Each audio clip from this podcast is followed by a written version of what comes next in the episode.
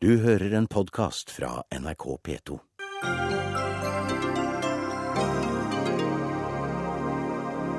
Marit Arnstad utelukker ikke seg selv i ledelsen av Senterpartiet, vil gi valgkomiteen ro. Diskriminering, sier arbeidsministeren om at 70-åringer må pensjoneres. Nå vil han øke aldersgrensen i arbeidsmiljøloven. 16-åringer blir ikke mer interessert i politikk av å få stemmerett, viser en fersk rapport. Men vi slipper de unge til i debatten om å senke stemmeretten.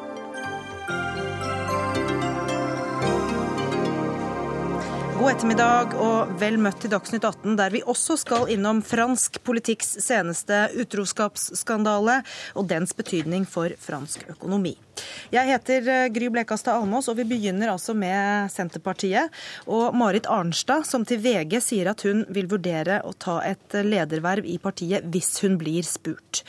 Hun har eh, dessverre takket nei til å komme hit til Dagsnytt 18, men her har vi fått eh, besøk av stortingsrepresentant Jenny Klinge. Hva er din umiddelbare reaksjon på Marit Arnstad som mulig ny leder etter Liv Signe Navarsete? Det er klart at det er noe overraskende, all den tid hun tidligere har avvist det så klart. Men samtidig så er det også positivt i den forstand at det alltid er bra for et parti å ha flere kandidater til viktige verv. Men det er Trygve Slagsvold Vedum som er din favoritt, og hvorfor det? Jeg har sagt det fra og med det ble klart at Liv Signe vil trekke seg, at Trygve har ut framheva gjennom jobben sin, annet som landbruksminister, at han er en god kandidat som kan samle partiet. Men det var nå også sagt ut ifra en situasjon der vi trodde Marit Arnstad var helt uaktuell. Så når hun har nå kommet på banen, hvem er favoritten nå? Da tenker jeg at det viktige er at valgkomiteen gjør en grundig og god jobb, slik at vi får presentert en kandidat som de kommer fram til etter nettopp en god prosess.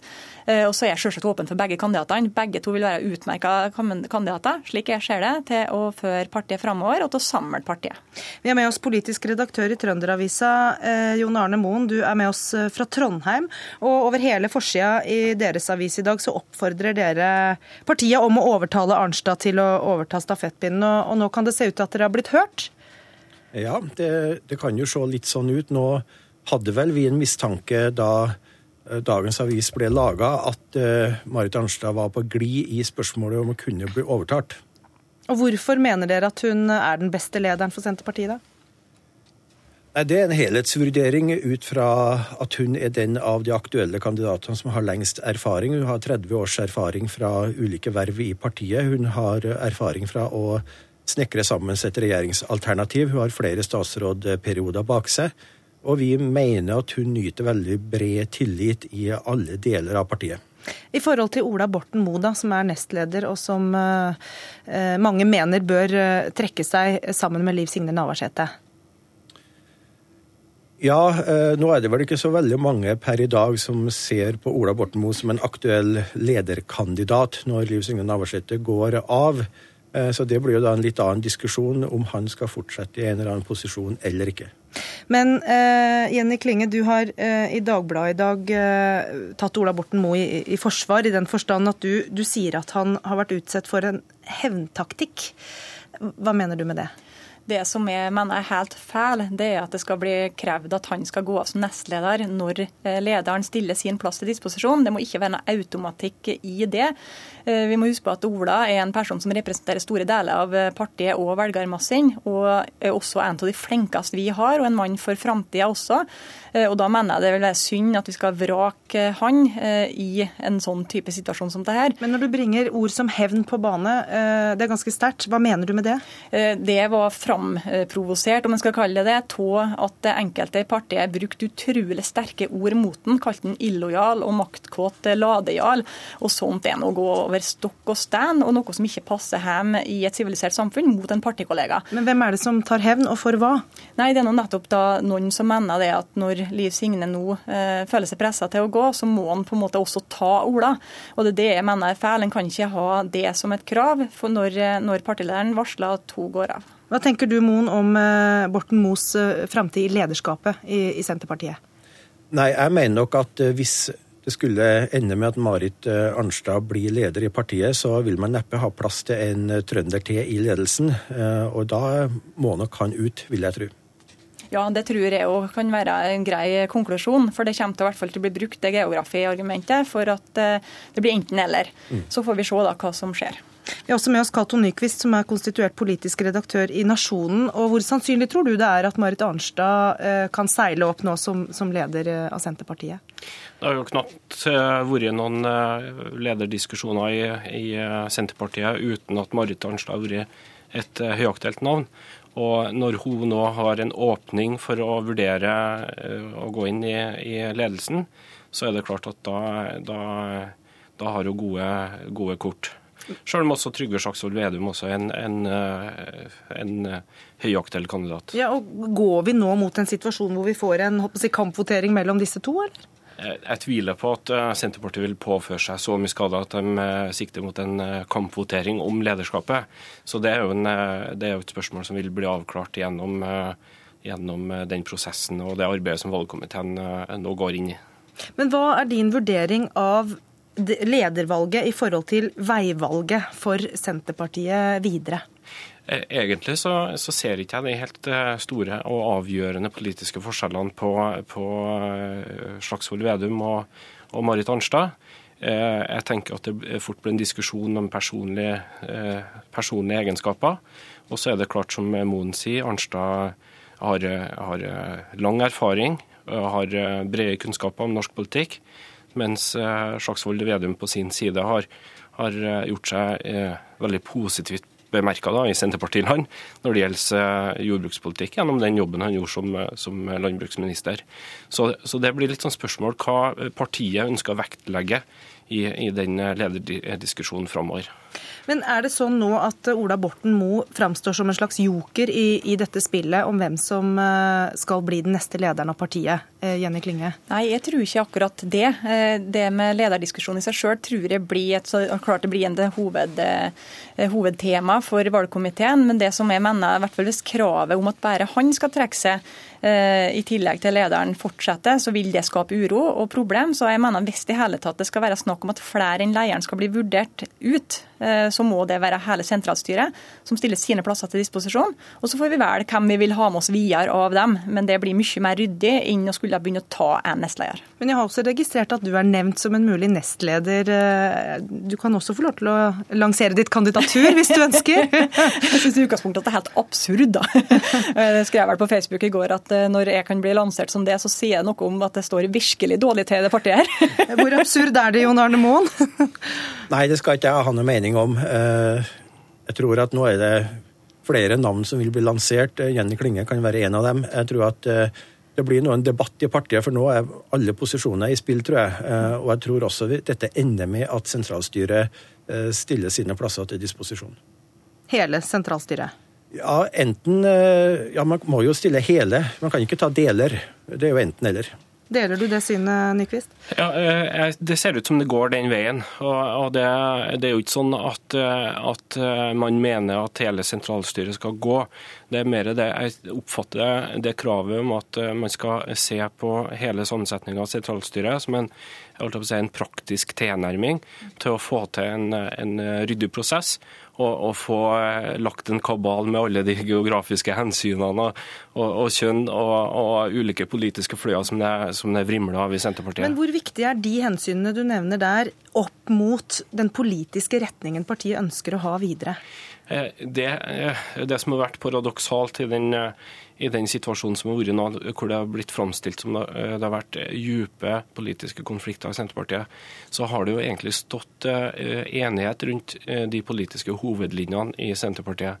Eh, det Men Hva har den konflikten vi har registrert egentlig handlet om da? Nei, altså Det er jo, det er akkurat der det her med, med, med personstrid å komme inn og hvor, hvor uh, si, toppledelsen åpenbart ikke har vært i stand til å samarbeide godt nok. Jeg mener Nyquist har et godt poeng der, for det blir framstilt som store politiske skillelinjer. Vi står alle sammen godt plassert innenfor Senterpartiet sin politikk, eh, og det har vært mye person, dessverre. Og det som jeg tror nå, da, når Marit Arnstad har lansert seg sjøl som kandidat, det er at både hun og Trygve altså de, de er ikke så forferdelig forskjellige politisk. Det spørs om hva type politikere en ønsker eventuelt å ha i ledelsen nå. så en skal på en måte se at det har vært pensjonkonflikter. Nå er det snakk om at vi må begynne å tenke politikk framover, alle sammen. Det er, altså Hvis man skal identifisere ett eh, område hvor det har vært eh, reell politisk uenighet, så er det jo spørsmålet om oljeboring i nord. Og eh, det er jo Vil det der få en betydning for hvem av disse to navnene vi nå snakker om, som blir leder, eller? Nei, det, det er et spørsmål hvor, hvor Ola Borten Moe eventuelt kunne ha, ha blitt, holdt jeg på å si, fått problem med. Takk for dagens episode av Senterpartiet. Takk for det. Hør Dagsnytt 18 når du vil, på nettradio eller som podkast. nrk.no – dagsnytt 18. Og Da får vi arbeidsminister Robert Eriksson fra Fremskrittspartiet inn i studio. og Du kaller det diskriminering at 70-åringer må slutte å jobbe. Eh, det er sånn dagens regler i arbeidsmiljøloven er, men de reglene ønsker du å endre. og Hvor lenge mener du at man skal kunne stå i jobb?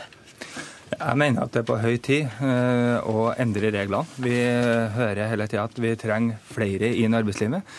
Vi ønsker å motivere flere eldre til å stå i arbeidslivet. Når eldre ønsker sjøl å delta i arbeidslivet, mener de har mye å, å gi fortsatt, så syns jeg det er diskriminerende, litt sånn bak mål, at vi har en lovgivning som gjør at du ikke kan, eh, kan stå lenger i arbeidslivet. Men hvis jeg har forstått deg riktig, så ønsker du å heve den grensen? Du ønsker ikke å ta den helt bort? Ja, vi har sagt det at uh, vi ser på om det skal være 72 år, eller om det skal være 74 år, eller om det skal være 75 år, eller om vi ikke skal ha grense. Det får vi komme tilbake til. Men det mest nærliggende, synes jeg, med tanke på at pensjonsreformen åpner for at du kan tjene opp pensjon til du er 75 år, så hadde det også vært nærliggende og sagt at man kan bør iallfall stå i arbeidslivet til, eller ha muligheten til å stå i arbeidslivet til man er 75 år. Anette Trettebergstuen, du er stortingsrepresentant for Arbeiderpartiet. og Vil du støtte en slik eh, endring i loven? Ja, absolutt. Eh, stort, forrige Stortinget behandla denne saken her for ett og et halvt år siden, tror jeg. Og Da var det et samla storting som, som, så behovet for å gjøre noe med aldersgrensen i arbeidslivet. Både de arbeidsmiljøloven og de bedriftsinterne. Eh, men den gangen så, så var alle partiene, med unntak av Fremskrittspartiet, enig i at vi trengte å, å, gå noen runder, fordi at det finnes også argumenter mot, og det har sine sider.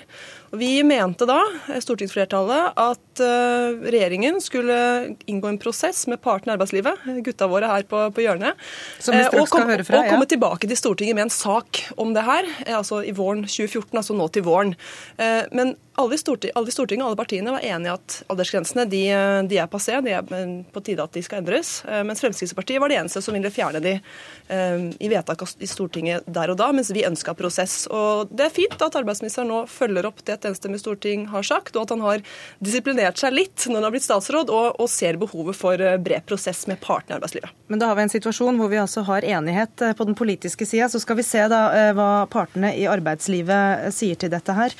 Det har vært en annen praksis i arbeidslivet enn 70 år, som da arbeidsmiljøloven åpner for, nemlig at man, man pensjonerer seg når man er 67. Og hvorfor er det en fordel for arbeidstakerne at det er en lavere eh, grense enn det arbeidsmiljøloven da åpner for. Stein Regaard, du er sjeføkonom i, i LO.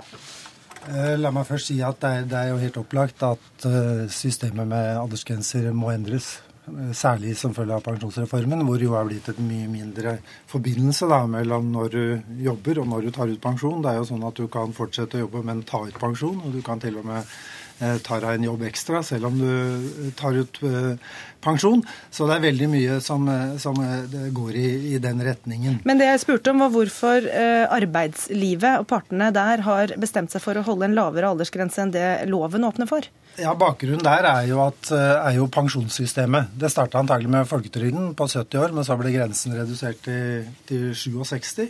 Og så ble det utviklet pensjonsordninger med den samme innretningen. Og så tilpassa man da eh, pensjonssystem og aldersgrenser, hvilket det ikke er det samme behov for nå. Så, ja, hva, hva men, mener du at det ikke er behov for det i dag? Nei, Det var det jeg starta med å si. Da, at denne store endringen som har skjedd på pensjonsområdet, nå er det nesten ingen forbindelse, i hvert fall som hovedregel, mellom eh, Eh, når du slutter å jobbe, og når du tar ut pensjon. eller Det kan være helt tilfeldig eller valg, valgfritt. Og Da er det jo klart at eh, den linken blir mye svakere. Men som du er inne på, så så, så viser jo det at det er kanskje en annen aldersgrense enn den på 70 som er mest prekær. Den er vel i hovedsak effektiv for statsansatte, som nå er nede på 5 drøye det av, av, sysselsettingen. Det er jo den på 67 som du helt riktig påpeker, som er den mest relevante. Og så er det jo en flora av eh, aldersgrenser som er mye lavere enn det. Eh, og så er det også mye annet i arbeidslivet som en må se i sammenheng med at en gjør disse skrittene. Og det Eriksson sier om at eh, med 75 år som liksom for å trekke ut hele spennet i alderspensjon. De første som vil tjene opp pensjonspoeng som 70-åringer, de, det vil først skje i 2025. Så hvis man liksom skal rekke det, så kan man jo ta det med ro. Og jeg tror man må ta et litt bredere grep. Men ja, hvilke grep ønsker du å ta? Ja, det er, eh, Som jeg sier, så, så, og som du spør om, så er det jo mye mer naturlig å starte med den 67 årsgrensen. Og heve og den, den, også? Ja, og den, den, kan jo Robert Eriksson foreslå bare å stryke en setning, så er det i hovedsak eh, gjort. Og da har du tre år. Og så må vi jo minne om at den praktiske pensjoneringsalderen i Norge er i gjennomsnitt 64 år. Mm. Eh, så det er svært mange som pensjoneres tidligere, og selvfølgelig mange som også da, eh, gjør det seinere. Og vi har et trygdesystem som ikke er tilpasset dette i det hele tatt. Altså, det har vært interessant å høre hva arbeidsministeren tenker om trygdereglene trygderettighetene, for de bortfaller nesten i all hovedsak ved 67 år, og ikke ved 70, som han snakker om. Så det er ganske mye å tenke på. Mm. Eh, Men hvis vi, skal, hvis vi, skal, prøve bare å holde, holde, det til eh, akkurat det med alder, eh, og det, det store spørsmålet hvorfor, hvorfor, skal man egentlig ha en grense, en aldersgrense som skal fortelle deg når du ikke lenger kan jobbe, hvis man fortsatt føler seg arbeidsfør? Da kan vi trekke inn Svein Oppegård, som er direktør for arbeidslivet, altså for NHO. Hva hva tenker du om akkurat det? Altså, Vi er innstilt på å gjøre justeringer i det som vi kaller for de bedriftsfastsatte aldersgrensene, nemlig 67-årsregelen, mm. som gjør den vanlige regelen i privat virksomhet. Vi ser at folk arbeider og, bo, og arbeider og lever lenger, og det er naturlig å heve aldersgrensen. Vi mener at det vil være helt feil å ikke ha noen aldersgrenser. Vi mener også at 75 og 72 år er for høyt. Vi ønsker å ha en 70-årsregel, slik det er i arbeidsmiljøloven i dag, og at folk da gjerne må arbeide etter at de fyller 70 år, men at stillingsvernet, altså retten til å fortsette fortsette, den opphører ved 70 år. Altså jeg er også enig med det Regård sier, at det, den samfunnsøkonomiske verdien er jo å få de som er 61, 62 og 63 til å arbeide videre. Det er der den store utfordringen ligger i, i samfunnsøkonomien. Men det er også viktig å tenke på at vi har jo en rekke særaldersgrenser i offentlig forvaltning, og det ville bli helt fullstendig feil om du skal kunne pensjonere deg i en eller annen statlig kommunal stilling ved 58 år, mens man skulle arbeide fritt i privat uh, næringsliv. Så vi er veldig tydelige på at 70 år 60-årsregelen må være en riktig aldersgrense i arbeidslivet. Ja, Robert Eriksson, er det sånn at dere har fokusert eh, på, på, litt feil sted her? Burde dere heller ta denne 67-årsgrensen eh, og se på den istedenfor arbeidsmiljøloven? Ja, for Det som Regård snakker om, det er å øke pensjonsgrensa eh, fra, fra 67 opp til 70. Det jeg prater om, det er reglene i arbeidsmiljøloven knytta til om, om, det skal være sånn at du må gå av på en gitt dato eh, og på et bestemt årstall. Jeg mener at det er diskriminerende. Jeg mener Rent prinsipielt så bør man kunne legge til rette for at folk som ønsker å stå lenger i arbeidslivet, skal få muligheten til å stå lenger i arbeidslivet. Og så er jeg, helt enig med, med NHO Oppegård med at den største, altså, den største reserven vi har av arbeidskraft, da befinner seg mellom 62 og 67 år. Og det at man også setter seg ned og ser på særaldersgrensene, er viktig. Det har regjeringa varsla at man skal gjøre. Det står tydelig i regjeringsplattformen, og det er også et arbeid vi skal gjøre i, i forbindelse med, med, med det dette. Fordi at det handler i mitt hode om at man ikke skal drive diskriminering, men legge til rette for at eldre kan stå lenger i arbeidslivet. De er en ressurs. Den ressursen ønsker vi å ta vare på. Nå ble det ristet på hodene i begge ender her, eh, Tettebergstuen. Ja, nei, Regård får svare for seg, men jeg tror nok han snakket om, om særaldersgrensen og ikke å heve pensjonsalderen. Eh, men dette, det går an å ha to tanker i hodet samtidig her. For det Stortinget har bedt om, er jo nettopp eh, at regjeringen skal komme tilbake til Stortinget med en vurdering av aldersgrensa i arbeidsmiljøloven, og henstille partene i arbeidslivet om å se på de tariffene tariffastsatte aldersgrensene. Også særaldersgrensene har vi mulighet til å gjøre noe med. Disse tingene må ses i sammenheng, og det må tas felles grep. Eh, jeg er helt enig i at det største problemet ligger i å få de i midten av 60-åra til å stå lenger i arbeid. Men min eh, mailboks og min telefon er full av henvendelser fra enkeltmennesker som har opplevd å, å måtte gå fra jobben fordi de har fylte 70, eh, som var kompetente og som ønska å stå i arbeid. Eh, så det at det kanskje er et lite problem, er ikke en unnskyldning for ikke gjøre noe med det. Dessuten så er lovverket også normativt, eh, og jeg syns det sender et dårlig signal i dag at vi har beholdt en, en lov fra 1917 eh, som sier at når du er 70, så, så skal du ikke lenger ha noe stillingsvern. Da, da bør du ut av arbeidslivet. 70-åringer er ikke alle sammen slitne eller alle sammen spreke. De er forskjellige som alle andre folk, og det er arbeidsdyktigheten din som bør, bør, bør regulere når du går ut av arbeidslivet. Men dere er begge opptatt av de som da er 70 pluss, som fortsatt er eh, klare for å arbeide. Hva med de som ikke er klare for å arbeide mer, som er slitne og som gjerne vil gi seg. Det er ikke fare for at de føler seg pressa til å stå enda lenger i jobb hvis man endrer eh, reglene? Eriksen? Nei, fordi at, eh, og det som jeg sier, at derfor er det viktig å gå gjennom både det som vi har i dag på særaldersgrensa, fratredelsesplikta for de mellom 62 og 67 år. Eh, det skal regjeringa gjøre. Det står tydelig i regjeringsplattformen, og det skal vi gjøre. Og Jeg er veldig glad for at Arbeiderpartiet har også endra oppfatning på det dette. Jeg har fremma det forslaget i opposisjon fire ganger. Da stemte de imot Arbeiderpartiet. Nei, en utredning. Nå er, de veldig, ja, da var det utredninga. Vi vil gjøre ting, eh, og denne regjeringa vil levere på, på det dette. Kort svar på det. Denne debatten viser hvor komplekst det er. Det er ulikt regelverk og ulike regler, og det har sine sider. og Partene i arbeidslivet er ikke enige deler. Vi har en god tradisjon for å lage arbeidslivspolitikk eh, sammen med partene, og det var det Arbeiderpartiet sa i saken i fjor, at vi ønsket å se på det her sammen med partene, men ga et tydelig signal om at aldersgrensene bør heves. Jeg tror det vil være meget eh, uklokt å eh, gå på en aldersgrense over 70 år. Fordi det er dessverre slik at alderen setter sitt preg på mennesker i de fleste tilfeller, også de som har fylt 70 år. Og for å unngå en uverdig fratreden i arbeidslivet, så mener jeg at vi bør ha den muligheten som fortsatt ligger der i dag, nemlig at du må slutte når du er 70 år. Så er det intet menneske som vil forby noen å arbeide etter at de er 70 år, men du kan altså ikke kreve å fortsette i samme stilling i det uendelige. Jeg tror det vil være lurt om vi holdt på 70-årsregelen, slik at folk har muligheten til å slutte på et tidspunkt hvor de fortsatt er ship-shape, og uten å få en meget opprivende og uverdig avslutning i et arbeidsforhold. Kort kommentar til den klare oppfordringen fra NHO der. Ja, nei, jeg syns det faktisk er mer uverdig at folk som kan delta i arbeidslivet, ønsker å delta i arbeidslivet, må gå av på en bestemt, bestemt alder. Men det er også viktig at vi får gjort noe med de her bedriftsinterne eh, reglene og, og på det. Bl.a. gjensidigdommen viser jo egentlig hvor håpløst de bedriftsinterne avtalene er, og at det også må stå i samsvar med arbeidsmiljøloven sine bestemmelser. Stein Regård, jeg lurer på, er det ikke også bekymringsfullt for arbeidstakere som, eh, som eh, er slitne, som ikke orker, hvis man nå hever, eh, hever denne aldersgrensen, hvis jeg kan kalle det det, da, pensjonsgrensen i arbeidsmiljøloven? Nei, altså, vi har, vi, har, veldig lite engasjement og kritikk mot den 70-årsgrensen uh, som er. Dere har ikke noe engasjement for det? Altså, er, er, det ikke viktig? Vi har veldig mange forslag omkring oppsigelsesvernet, og dette går jo ut på å styrke oppsigelsesvernet for eldre. Så i utgangspunktet så er jo vi positive til det. Uh, derfor, derfor, er vi også veldig kritiske til at Robert Eriksson har planer om å svekke oppsigelsesvernet for alle andre enn de som er, er gamle. Nettopp. Men hvis vi skal eh, ja? for, hvordan, for, hvordan, svekker det? Uh, Nei, altså det, det å gi adgang til midlertidige ansettelser innebærer jo at oppsigelsesvernet blir svakere. De blir, lett, de blir, da lettere å si opp. Mm -hmm. Mens dette forslaget vi nå snakker om, og som helt riktig dreier seg om oppsigelsesvern, vil jo gjøre det vanskeligere å si opp de som er eldre.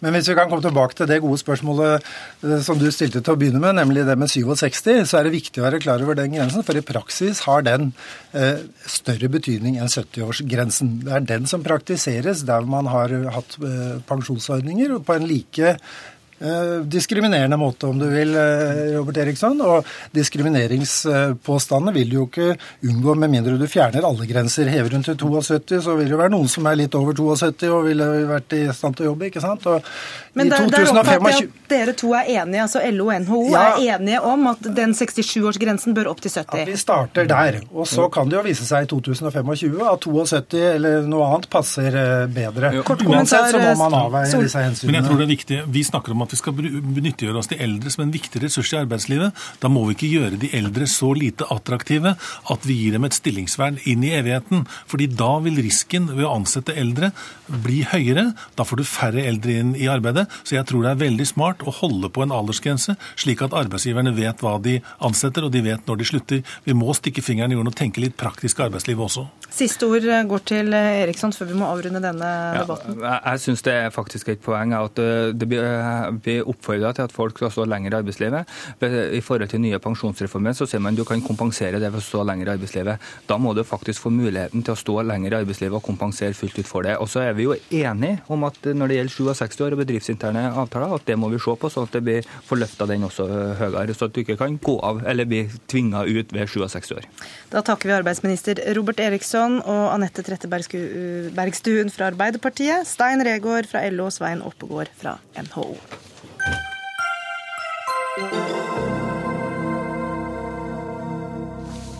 Og beveger oss eh, til Frankrike, for det stormer rundt Frankrikes president Francois Hollande. Og det kan bli eh, en krevende øvelse når han i morgen skal holde sitt tradisjonelle nyttårsmøte med pressen. For mens presidentens eh, Han prøver da å rette oppmerksomheten mot den økonomiske politikken i Frankrike, så er det mange franskmenn nå som er mer opptatt av ryktene om utroskap. Og Tove Gravdal, du er journalist i Morgenbladet og har vært bosatt i Frankrike i mange år. Hvorfor er det så mye fokus på dette kjærlighetslivet? Eh, det er jo ganske naturlig, er det ikke det? da? og det er jo ikke bare rykter. Det er jo eh, langt på vei bekreftet både av Hollande selv før helgen, da han sendte ut en pressemelding hvor han eh, etter avsløringene i et sånn People's Magazine som avslørte at han har forhold, et forhold til en skuespillerinne, så sendte han ut en pressemelding hvor han ikke avkreftet eller benektet at det var tilfellet, men han sa at han ville vurdere om han skulle gå til rettslige skritt mot dette magasinet. Og i dag er hans samboer og offisielle, den offisielle førstedamen, Valerie Trierweiler, som er um, Hun er på sykehus. Hun ble innlagt på torsdag. Hun bekrefter overfor Le Parisien at hun har snakket med Hollande om dette. Og hun hadde ikke gitt et sånt intervju hvis ikke det hadde vært hold i det som da ble framstilt som rykter. Så det er, en, um, det er nok en sann historie, men det er første gang at uh, en utroskapshistorie vekker så store nei, overskrifter i uh, franske aviser som, uh, som, de gjør denne gangen. Og det er jo også påtagelig at det er Hollande, som da han ble president for snart to år siden, lovet at nå skulle bli mindre oppmerksomhet om en presidents privatliv, mer ro, mer mer nøktern politikk, og så er det noe han som virkelig sitter i baret med full eksponering av sitt privatliv. Og Spørsmålet er jo da eh, hvorfor dette får lov til å ta så stor eh, oppmerksomhet. Reino Malnes, professor i statsvitenskap ved Universitetet i Oslo, og da Frankrike-ekspert i forhold til politikken som, som han er satt til å, å drifte. Jeg tror ikke jeg at dette kommer til å ha fryktelig mye å si for Hollands omdømme i opinionen, det er allerede ganske svakt. Han har problemer i massevis. Regjeringen har problemer med å samarbeide. Eh, Sosialistpartiet har eh, sterke motsetninger i seg. Det er to valg i Frankrike i året som kommer, i hvert fall to viktige valg. Kommunevalg, Europaparlamentsvalget. Og Nasjonal Front seiler opp som et muligens i verste fall det største partiet i europaparlamentsvalget. Og dette er langt viktigere saker, og det er nok saker som i det store og hele og over tid kommer til å bety veldig mye mer for Hollands omdømme. Men det, han, er jo, han, er jo, upopulær på målingene, men kan ikke en historie som dette være med på å gjøre han mer menneskelig og kanskje øke eh, populariteten hans? Da? Jo, han, han, sa jo det at han skulle være en normal president, og dette er jo på sett og vis eh, eh en side ved et muligens normalt følelsesliv. I hvert fall i Frankrike, kanskje? Det er, klart at dette vil være, det er en distraksjon, og det er noe som ikke akkurat kommer på et egnet tidspunkt. I morgen er det altså en pressekonferanse der han skal annonsere at den økonomiske politikken legges om. Ikke på en måte som er overraskende tatt i betraktning ting Hollande har sagt tidligere, tidligere, før han ble presidentkandidat, men på en måte som er overraskende tatt i betraktning den politikken som har vært ført det siste året. Og Dette hadde jo krevd hans oppmerksomhet og hans eh, si, arbeidskraft nå, og så får han da denne andre saken opp i faget. Og Det at han varsler søksmål mot dette magasinet som har trykket denne historien, er det med, bidrar det liksom til å, å, ta fokuset vekk fra, fra politikken og, og, videre inn i denne historien? Han har ikke bestemt seg for om han, om han vil gå til søksmål ennå, det sitter de nå og diskuterer i Elysée-palasset. Og det kan nok hende at de velger å ikke gjøre det for nettopp å unngå mer oppmerksomhet. Jeg tror at en viktig grunn til at dette er en så stor sak i, i franske medier nå, det er at dette reiser spørsmål ved Hollands dømmekraft. Vi hadde allerede i fjor på denne tiden en historie som eh, var liksom det første alvorlige skudd for, baugen når det gjaldt Hollands dømmekraft. Han ble jo valgt fordi at han var en mann å stole på. Han skulle virkelig rydde opp etter denne litt halsbrøde forgjengeren sin, som, eh, som rotet til veldig mye, og sørge for at folk eh, kom seg i arbeid igjen. Og så har i stedet ledigheten økt. Og hans økonomiske politikk har mislyktes. Og så kom det for en dag for et år siden at hans budsjettminister, som da skulle stå i bresjen for å, å, å, å få folk til å stramme livreima og få folk i arbeid igjen, han hadde da en hemmelig konto med, i Sveits og drev med skatteunndragelser. Og, og Lan forsvarte han i det lengste i to måneder. Til slutt måtte han sparke han fordi det var helt umulig. Og den, Det var en alvorlig historie for Hollande. Denne historien med denne elskerinnen er med på å forsterke dette inntrykket at det kanskje han ikke har så innmari god dømmekraft. Fordi det er jo forferdelig ydmykende for Valerie Trierweiler å være førstedame. Hun skal på statsbesøk til USA og møte Michelle Obama i februar. Du, så pinlig. Nå har hun kommet i en situasjon hvor hun da liksom egentlig ikke er så viktig for Hollande som hun burde være. Men er franskmenn oppriktig overrasket? Det er jo ikke første gang, eh, verken av en president eller andre i fransk samfunnsliv, eh, at de har et eh, mer utsvevende kjærlighetsliv enn det man kanskje er vant til fra Norge, f.eks. Nei, altså det, det, har vært rykter om uh, altså Chiracs uh, kvinnetekke var viden kjent, og før ham så hadde Mitterrand i praksis uh, en familie nummer to den tiden han var president. Men på det tidspunktet så var også fransk presse, i hvert fall den seriøse pressen, langt mer tilbakeholdne enn den er i dag. Og det, er, det som er veldig forbausende, er kanskje at Hollande tror at dette kunne la seg gjøre uten at det ville bli en skandale ut av det. Det er jo likevel et åpent spørsmål hvor alvorlig den skadealen vil være for ham. Altså, det er klart at det som skjedde da han eh, altfor lenge forsøkte å beskytte sin budsjettminister, det skadet hans omdømme. Men det er klart, politikken er jo en uke veldig lenge, og, og en måned er svært lang tid. Og det er klart at uh, Hvis han nå får noe ut av den økonomiske politikken han forsøker å føre, hvis dette gir resultater, uh, og hvis han får Sosialistpartiet med på det, så jeg er ikke bombesikker på om ikke det alt i alt kommer til å oppveie den skaden han har pådratt seg nå. Men det gjenstår å se. Altså. Det Men det er jo ikke lang tid til i morgen når det er da han skal uh, legge fram den økonomiske politikken og veien videre. Og det er jo rimelig viktig også for Frankrike at man finner en løsning på problemene. Og, og uh, dette klimaet som dere nå har beskrevet så, så godt, hva, hva kan han komme med i morgen av løsninger? Jeg tror ikke han kommer med så veldig mye nytt. Han har jo kommet med noen, eh, noen forslag til kutt i offentlige budsjetter, som er den viktigste utfordringen deres. Og, og, like stor utfordring er det jo selvfølgelig å få ned arbeidsledigheten. Problemet er at arbeidsledigheten har ligget på rundt 10% offisielt i nå 30 år, minst. Og, og, det hjelper ikke. De har ingen gode løsninger. Og det er seks millioner franskmenn som er liksom helt ekskludert fra arbeidsmarkedet. altså De er ikke engang registrert som arbeidsledige. De er liksom de ekskluderte, som de kalles i Frankrike. Det er enorme sosiale problemer i dette landet, som, eh, som vi ser uttrykt på ulike måter. Og Hollande har ikke noen eh, gode løsninger. Han sender sin innenriksminister Manuel Valls ut i felten. Han er blitt en veldig populær politiker etter hvert. Men eh, Frankrike lider av en, et slags strukturelt problem. Og, og, det er målinger som utføres av et eh, byrå som heter Sevipov, som viser at nesten to av tre franskmenn de har ingen tillit til sine politikere, verken høyre- eller venstresiden. Så det er ikke bare Hollande som sliter på popularitetsskalaen? De prøver antagelig ved neste valg kommer muligens Sarkozy tilbake igjen som president. Vi vet hvor upopulær han var etter et par år som president. Og, men det er altså ikke noen gode løsninger og ikke noen gode navn som skiller seg ut. Altså, men det han nå eh, i nyttårstalen antydet, er jo det som for noen få tiår siden ble kalt klassesamarbeid, altså klassisk klassesamarbeid. Eh, arbeidsgiverne får lavere skatter og, og, og færre reguleringer mot at de skaper flere arbeidsplasser. Og Innad i Sosialistpartiet er det en kontroversiell måte å omtale økonomisk politikk på. Eh, men det kan jo eh, i en periode iallfall gi ham en viss, eh, ja, viss arbeidsro, kanskje. Og nå er det det at hans største problem er jo i og for seg ikke den opposisjonen som kommer fra den seriøse delen av høyresiden, eller den klassiske delen av høyresiden. Den største problemet er, den, er, er Nasjonal Front, som vokser på meningsmålingene. Helt avslutningsvis, overlever han denne skandalen? Ja eller nei? Å oh, ja. Ja, det gjør han jo.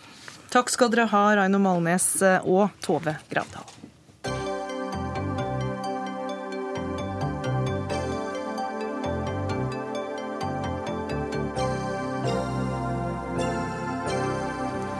Så stiller vi spørsmålet om vi bør senke stemmeretten til 16 år.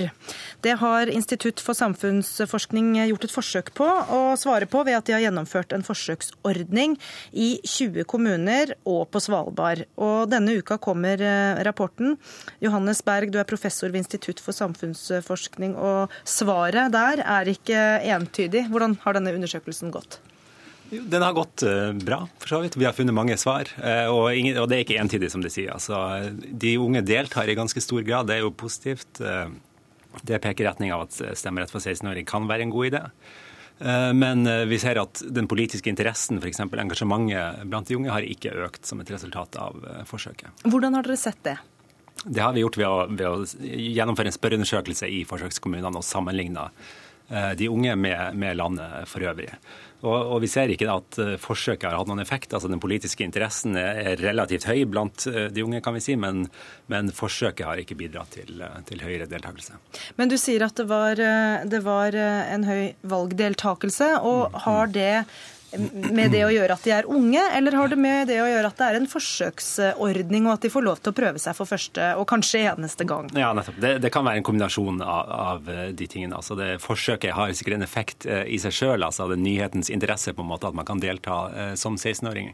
Men vi tror også at det å gå på videregående skole, det å lære om politikk på skolen, det å delta i skolevalg, og samtidig det å bo hjemme i sin hjemkommune, hvor man kanskje kjenner de lokale forholdene, det har en positiv effekt på deltakelsen. Vi ser også for så vidt at 18-åringer deltar relativt mye, som er i på en måte samme situasjon.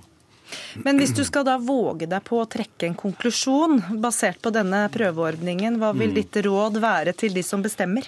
Ja, jeg, tør ikke å komme med et råd, det er opp til politikerne å, å, å avgjøre. Men, men, eh, det vil nok ikke bli noe katastrofe om 16-åringer får stemmerett. De deltar i relativt stor grad. De er kanskje litt mindre interessert i politikk enn en andre, men nivåforskjellen er ikke så veldig eh, stor. Og Ellers så stemmer de også på de samme partiene som eldre velgere. Så dermed vil man ikke se noen store politiske konsekvenser av en senking av stemmerettsalderen.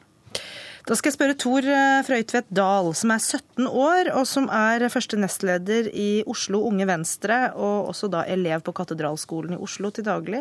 Hvorfor mener du at 16-åringer bør få stemmerett? Eh, jo, vi i Unge Venstre mener at eh, mener at 16-åringer skal få stemmerett for at eh, når man er skattepliktig og kan dømmes etter norsk lov, da skal man kunne være med og bestemme lovene man dømmes etter, og hvor høy skatten skal være. Eh, og Når man er 16 år, så har man, også, så har man også fullført grunnskolen. og Da skal man være godt nok rustet til å ta del i samfunnet. Men det er fortsatt ting man eh, ikke får lov til som 16-åring, som man får lov til som 18-åring. Ikke bare det å stemme, men det er andre ting òg? Ja, det er andre ting også. Men, som, ja, men, jeg tenker at det å bestemme lovene du påvirkes av, er ganske mye viktigere enn f.eks. førerkortet, alkohol og sånne ting. Da. Eh, og det er andre grunner også. Vi har med oss Nikolai Øyen Langfelt også, som da er eh, medlem av arbeidsutvalget i Oslo Unge Høyre, elev Handelsgym. Eh, hva mener du? Nei, Jeg må først si at jeg er veldig enig eh, med Unge Venstre altså, i målet her. For det må jo være å, å fremme engasjement med politikk rundt, rundt ungdom. Og så er jeg litt uenig i fremgangsmåten. For så er det veldig, veldig fort gjort at når vi begynner å diskutere liksom, ungdom, og demokrati og engasjement, så er det fort gjort at vi havner i en felle at vi med en gang skal begynne å snakke om stemmerett. Nå viser jo de, de tallene fra denne rapporten at ok, interessen ble ikke så høy som vi håpet. og Da mener jeg at det er på tide å, å se etter andre løsninger. Løsninger kan være at uh, vi skal få mer politikk inn i samfunnsfagen, f.eks. Men La oss se på de andre løsningene mm. litt etter hvert. Bare ta dette med senket stemmerett først. Eh, for jeg ja. forstår det sånn at dere kunne godt tenke dere eh, å beholde den der den er. Veldig gjerne. Ja. Nettopp. Og, og, grunnen til det er at vi, altså det, er, det, er, ganske naturlig at vi har eh, myndighetsalderen og stemmerettsalderen er, er like. Nettopp fordi at det vil føre til noen ganske uheldige konsekvenser som vi endrer det. Ja, Hvilke da, for eksempel? Um, for eksempel da, så syns jeg at det er et paradoks at uh, du skal bestemme over andres liv og over andres valg, mens du fremdeles ikke har muligheten til å bestemme over ditt eget. Mm. Hva tenker du om det? Jeg tenker at Det har aldri vært noen sammenheng mellom myndighetsalder og stemmerettsalder. Og og der folk som ikke klarer å ta vare på seg selv, hvis man f.eks. er syk, har likevel stemmerett. Eh, og så er det slik at Ungdom også er en av de største brukerne av, av offentlige tilbud, som f.eks. skole, kollektivtransport og kultur. Og det er særlig lokalvalgene som denne utredningen handler om, at, at dette er relevant. Mm. Og så er det slik at Vi hadde jo en valgkamp nå, en foregående valgkamp, og der var det saker som helse og eldreomsorg som ble tatt opp. De store, viktige sakene som klima og miljø og bærekraften til velferdsstaten, som angår oss unge mer enn noen andre, de ble ikke omtalt i det hele tatt, nesten. Og Det tror du du ville gjort hvis 16-åringer også hadde hatt en stemmerett? Ja, for da må stortingspolitikerne og lokalpolitikerne ta mye mer hensyn til velgergruppen. For sånn demografisk sett så er de eldre en mye større velgergruppe, en mye større interessegruppe enn unge. Men eh, Nikolai Øyen Langfeld, da skal du få lov til å komme med disse andre tiltakene som du tenker også kan føre til et eh, høyere engasjement? Mm. Først og fremst må jeg si at det der Min stemme-prosjektet som Aftenposten igangsatte, som rekke, rekke andre aviser, ga jo resultater. Mm. Jeg synes Det er veldig positivt at vi hadde økning på rundt nesten 10 prosentpoeng i unges valgdeltakelse. Så det er altså, Ikke på 24 år så har vi hatt så stor valgdeltakelse. Det er veldig veldig positivt. Men så tror jeg også at spesielt kanskje ungdomspartiene, da kan sikkert Unge Venstre være helt enig med meg i det, så de kan være flinkere til å, å forme politikken vår rundt det ungdom, ungdom, engasjerer seg i, og være enda mer åpne. Der er også media og kommuner og skoler et ansvar. fordi de var veldig flinke når disse kommunene hadde det prøveprosjektet. Med å, liksom, med å, vise uh, at vi skulle frontet den saken veldig. Da, at man kunne få muligheten til å stemme for første gang. Men da har kanskje kommuner og, skoler det samme ansvaret når det gjelder 18 år. Ja, jeg er helt enig, selvfølgelig blir med på det. Men jeg skjønner ikke helt denne enorme redselen for, for, for, for stemmerett for 16-åringer. Eh, det er slik at eh, i 1814 så var den på 25 år, og for noen få. Og så har man utvidet demokratiet, utvidet stemmeretten flere ganger etter det. Eh, og nå mener vi det er på tide for 16-åringer. Høyre har alltid vært mot hver gang, men, men, det har alltid skjedd, og man har aldri gått tilbake på det. Altså det som er, Hvis du skal, hvis du skal ha, det, hvis du skal ha 16 års stemmerett, så du, da har du to muligheter. Punkt én, så må du da eh, enten så må du beholde, beholde mm, valgbarhetsordningen.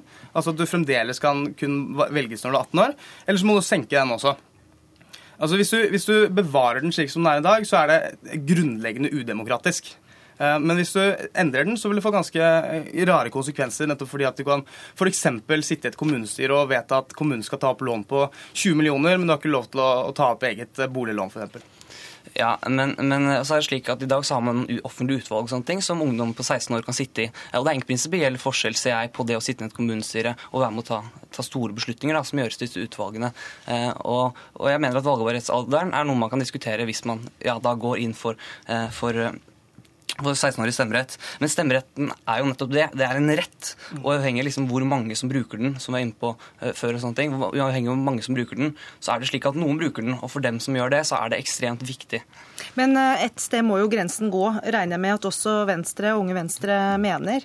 Uh, eh, 16 år er det vi diskuterer nå, men også de som er yngre, bruker jo skole og offentlige tjenester. og Hvorfor akkurat 16, da?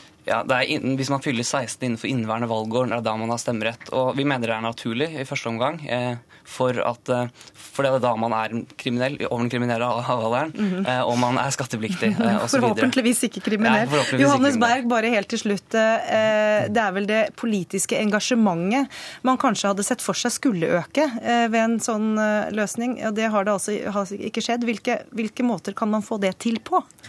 Ja, altså I enkelte kommuner så har man lykkes ganske godt. Man har mobilisert de unge og tatt i bruk skolen f.eks. Og, og, det er jo et sentralt eh, virkemiddel der man lærer om politikk. Man blir introdusert til politikk eh, gjennom skolevalg osv. Så, videre. så Så skolen er nok en nøkkel blant eh, når det gjelder de unge. da. Tusen takk skal dere ha alle tre for at dere kom til Dagsnytt 18.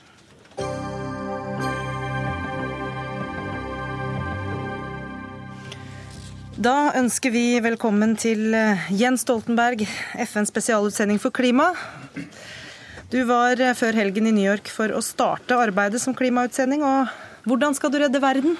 Så nå skal ikke jeg redde verden, men jeg skal hjelpe til med å få framgang i det internasjonale arbeidet med klima, og hjelpe til med å få ned utslippene. Og Det skal jeg gjøre sammen med mange andre dyktige mennesker i FN.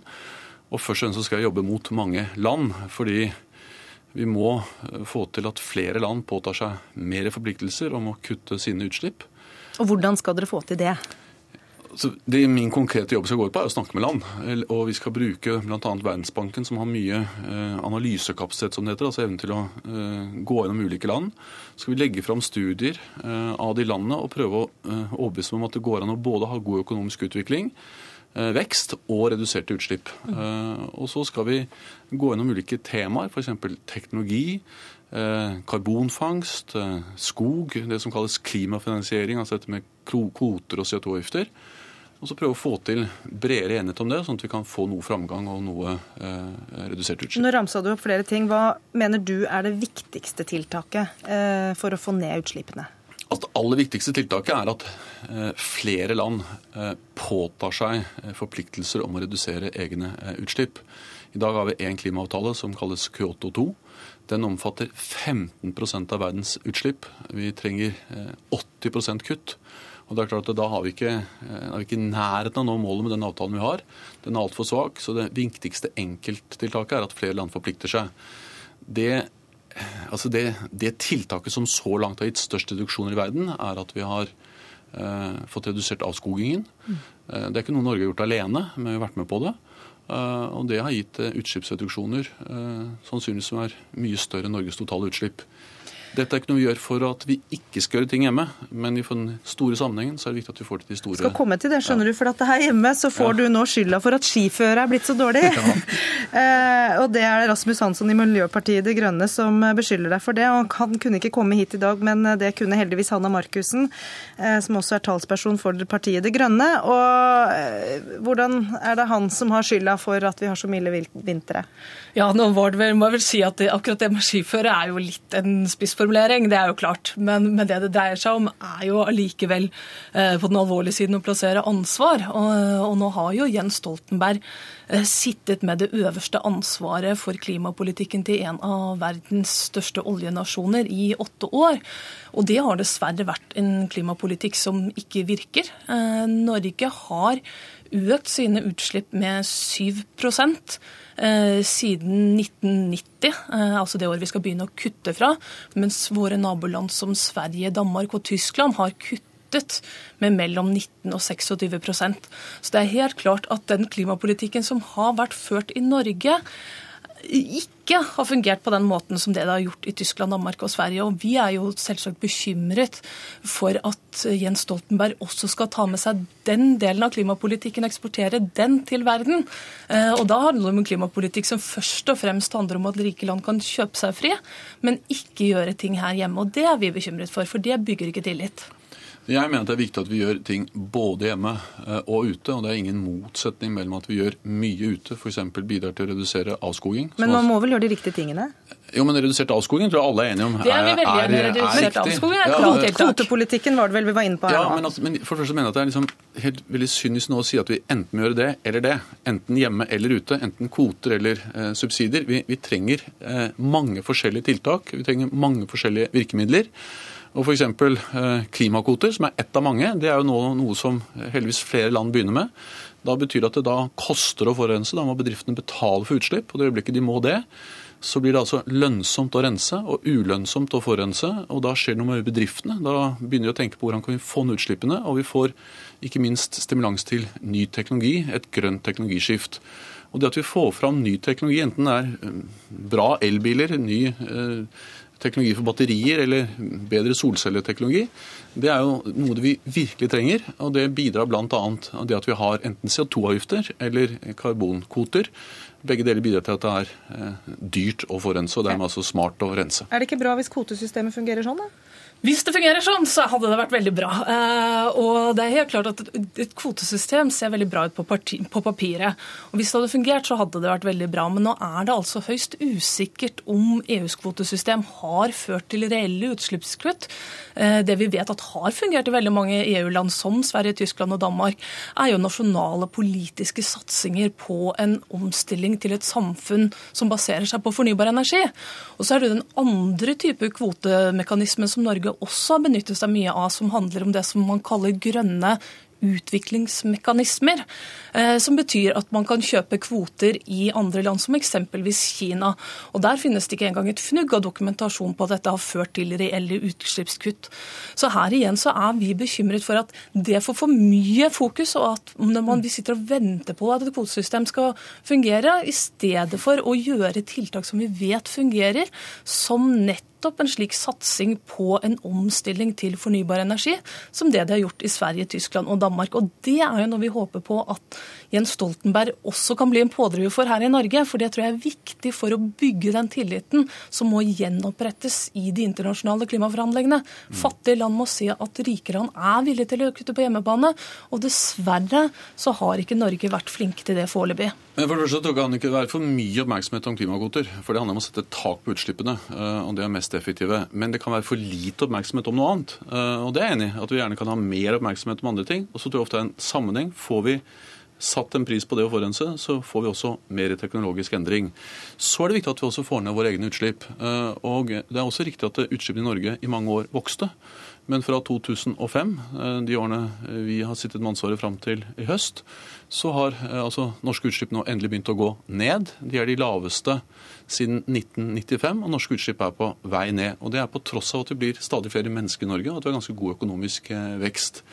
Så, ja, det, det, er jo ikke noe ja, dårlig sånn at, å skilte med, da. Sånn at utslippene går faktisk ned. Det er ikke noe dårlig å skilte med, men der snakker vi om bitte lite. Realiteten er at norske utslipp ligger 7% over 1990-nivå. Eh, mens vi skulle, 1990-nivået er der vi skulle ha begynt å kutte fra. Vi er ikke kommet dit engang.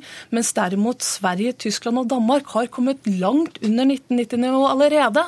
Så selv om det er en bitte liten positiv trend, så er vi veldig langt fra det som kan kalles å ha satsa på å kutte på hjemmebane. Og Det henger bl.a. sammen med at en ikke, ikke, vilje nok til å satse på fornybar energi og på det og teknologiutvikling på den måten som man har gjort i eksempelvis Tyskland. Er det viljen det står på, Stoltenberg? Nei, jeg mener vi har sterk eh, vilje. Men jeg er samtidig opptatt av å lytte og hele tiden lete etter sterkere virkemidler, bedre virkemidler, og ikke si at disse vi har funnet svar en gang for alle. Eh, men fakta er altså at vi nå er på vei ned. Men vi altså eh, Før 2005 hadde vi en økning, slik at Eh, for 1990 er vi fortsatt noe over det nivået, men vi er altså på vei ned, og utviklingen går i riktig retning.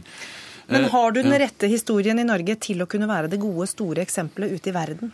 Jeg tror En grunn til at Norge har blitt bedt om å gjøre denne jobben, og at jeg har blitt bedt om å gjøre denne jobben, er at de ser at Norge er et land som både har gjort mye ute og har gjort mye uh, hjemme og at uh, vi er et land som lykkes i å ha god økonomisk vekst, og samtidig lykkes i å få utslippene ned. Jeg er nødt til å avbryte men, ja, der. Du skal få et superkort siste poeng. Siste og det er altså det her med tilliten i klimaforhandlingene.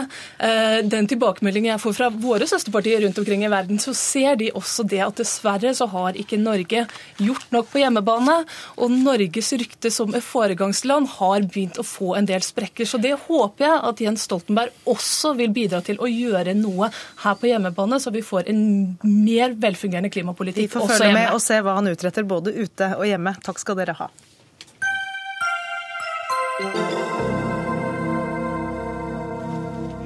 I morgen får Jan Harsem årets Solarpris for sin innsats etter Scandinavian Star-tragedien som kostet 159 mennesker livet i 1990. Han sitter her øh, og får en gratulasjon av oss allerede i dag. Prisen går til personer som åpent og uredd har avdekket eller motarbeidet forhold som truer menneskeverd, demokrati og rettssikkerhet i Norge. Og før vi snakker videre med Harsem, så snakker vi med deg, Peter Meilender. Du er styreleder for Solarprisen. Og hvordan er det dere mener at Jan Harsem oppfyller disse kriteriene? Ja, det, det er et vanskelig spørsmål å svare på, men også veldig lett. Fordi han har utmerket seg da gjennom 23 år og har fått en posisjon nå som gjør at han kan arbeide videre med alle sine fanesaker. Ehm, vår utfordring er jo at vi ønsker å finne én person i hele Norge som fortjener årets utmerkelse. Ehm, det er klart Jan Harsem, som får prisen i morgen, han har ikke vært alene om å gjøre denne jobben. Men han er en fremragende representant for det miljøet som har kjempet for en bedre granskning, en uh, gjenopptakelse av hele straffetenkningen. Uh, og uh, har således vært med på å forme kampen for en bedre rettssikkerhet, et større menneskeverd og et bedre fungerende demokrati. Og så har han Eh, da på eh, også en forbilledlig måte eh, frigjort seg fra sin personlige tragedie og sett at her er det en del prinsipielle ting ute og går. Det er for dårlig lovverk, det er for dårlig beskyttelse av passasjerer. Det eh, er ikke eh, en klar nok ordning for å identifisere eiere og forsikringsselskaper, forsikringsordninger osv. osv. Og så har han da rett og slett engasjert seg på hele fronten, for han ser at store ulykker hvor mange mennesker dør, der blir ikke de etterlatte og skadelidte de blir ikke tatt hånd om på en skikkelig måte. Mm. Og så har han rett og slett engasjert seg på hele dette feltet. Og, og, der finnes det rett og slett få motkrefter. Du har rederne, eierne, og du har regjeringer og myndigheter, men du har ikke den motkraften. Og der har han også eh, etablert så å si sine egne plattformer og gjør en jobb for oss alle. Og det er derfor han fortjener å få Solarprisen. Og Som du er inne på, så begynte jo dette eh, med en personlig tragedie for deg, Jan Hashem. Og mm. Kan du ta oss tilbake til hva du opplevde den aprilnatta i 1990? Nei, Det var jo en liten familie, det. som hadde, Vi hadde vært gift i to og et halvt år. Hadde en liten gutt. Ventet barn igjen sommeren 1990. Og skulle på en påskeferie i Danmark. Så det var innledningen. Vi havnet på Scandinavian Star. Og eh, Kristine eh, mistet livet. Jeg overlevde med Halvor, som var halvannet år da. Eh, det er i korte trekk eh, hvordan jeg personlig ble rammet av Scandinavian Star. Og Hvordan har du funnet krefter til da å kjempe denne kampen som vi hører Petter Meilender her beskrive, eh, for så mange flere enn deg selv? Ja, Til å begynne med så er jo ikke det et valg. som Det er noe med at veien blir til mens det går. Eh, det ble etablert en støttegruppe. Det var et styre som tok fatt i svært eh, omfattende oppgaver til å begynne med. Det å samle de skadelidte bare det å holde det samlet som én gruppe, så mange mennesker med så sterke livshistorier, eh, erstatningsoppgjør, felles osv. Men eh, da jeg kom inn i støttegruppearbeidet i styresammenheng, så var det jo fortsatt veldig omfattende prosesser som sto igjen. Stortingsmeldingen og Stortingets behandling var ikke gjennomført enda. Rettssakene var ikke gjennomført enda. Så det begynner bare med å ta tak i det. Da Stortinget skulle behandle stortingsmeldingen, det å forstå premissene som ble lagt til grunn, føringene for hvorfor man ikke ville lage nasjonale særkrav osv., så, videre, så tar det ene det andre. Og etter hvert så utvikler det seg altså en agenda som det er vanskelig å si nei til å gå inn i. Og denne kampen er jo ikke på noen måte slutt ennå?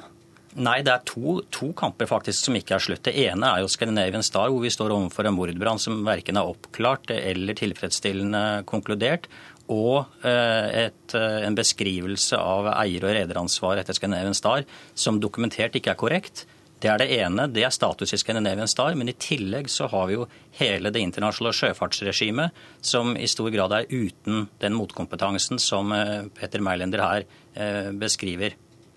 Og den kampen har du også kasta deg inn i? Ja, altså, for å si det sånn, det er jo, det er jo litt som å, eh, som å, gå på Hardangervidda med en liten eh, hagle, for å si det sånn. Du, du, vi er disse motkreftene og den motkompetansen er liten.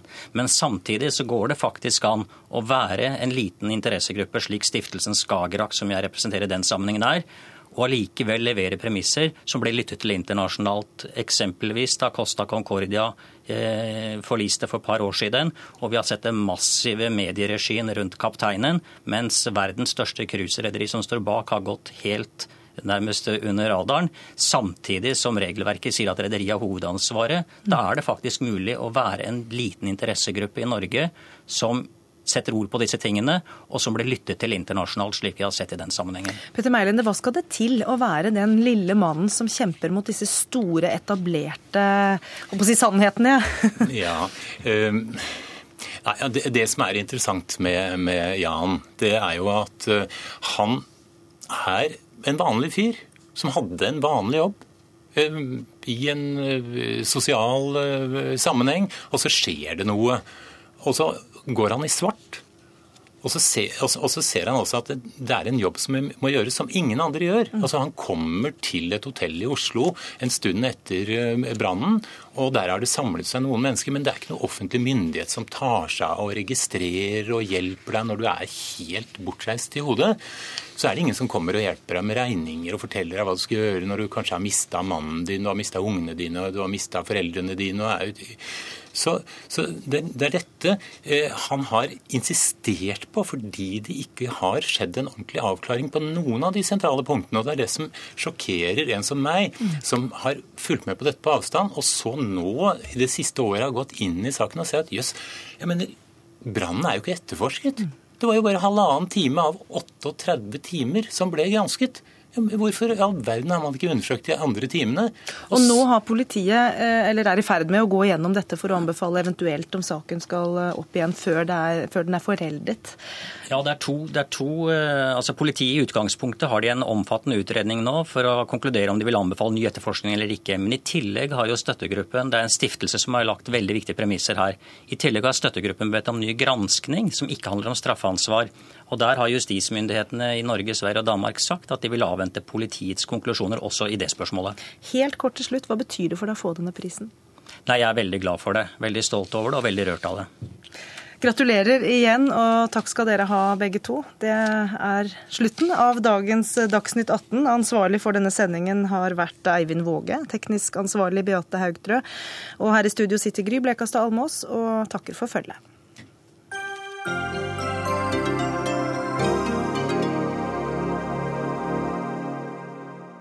Du har hørt en podkast fra NRK P2.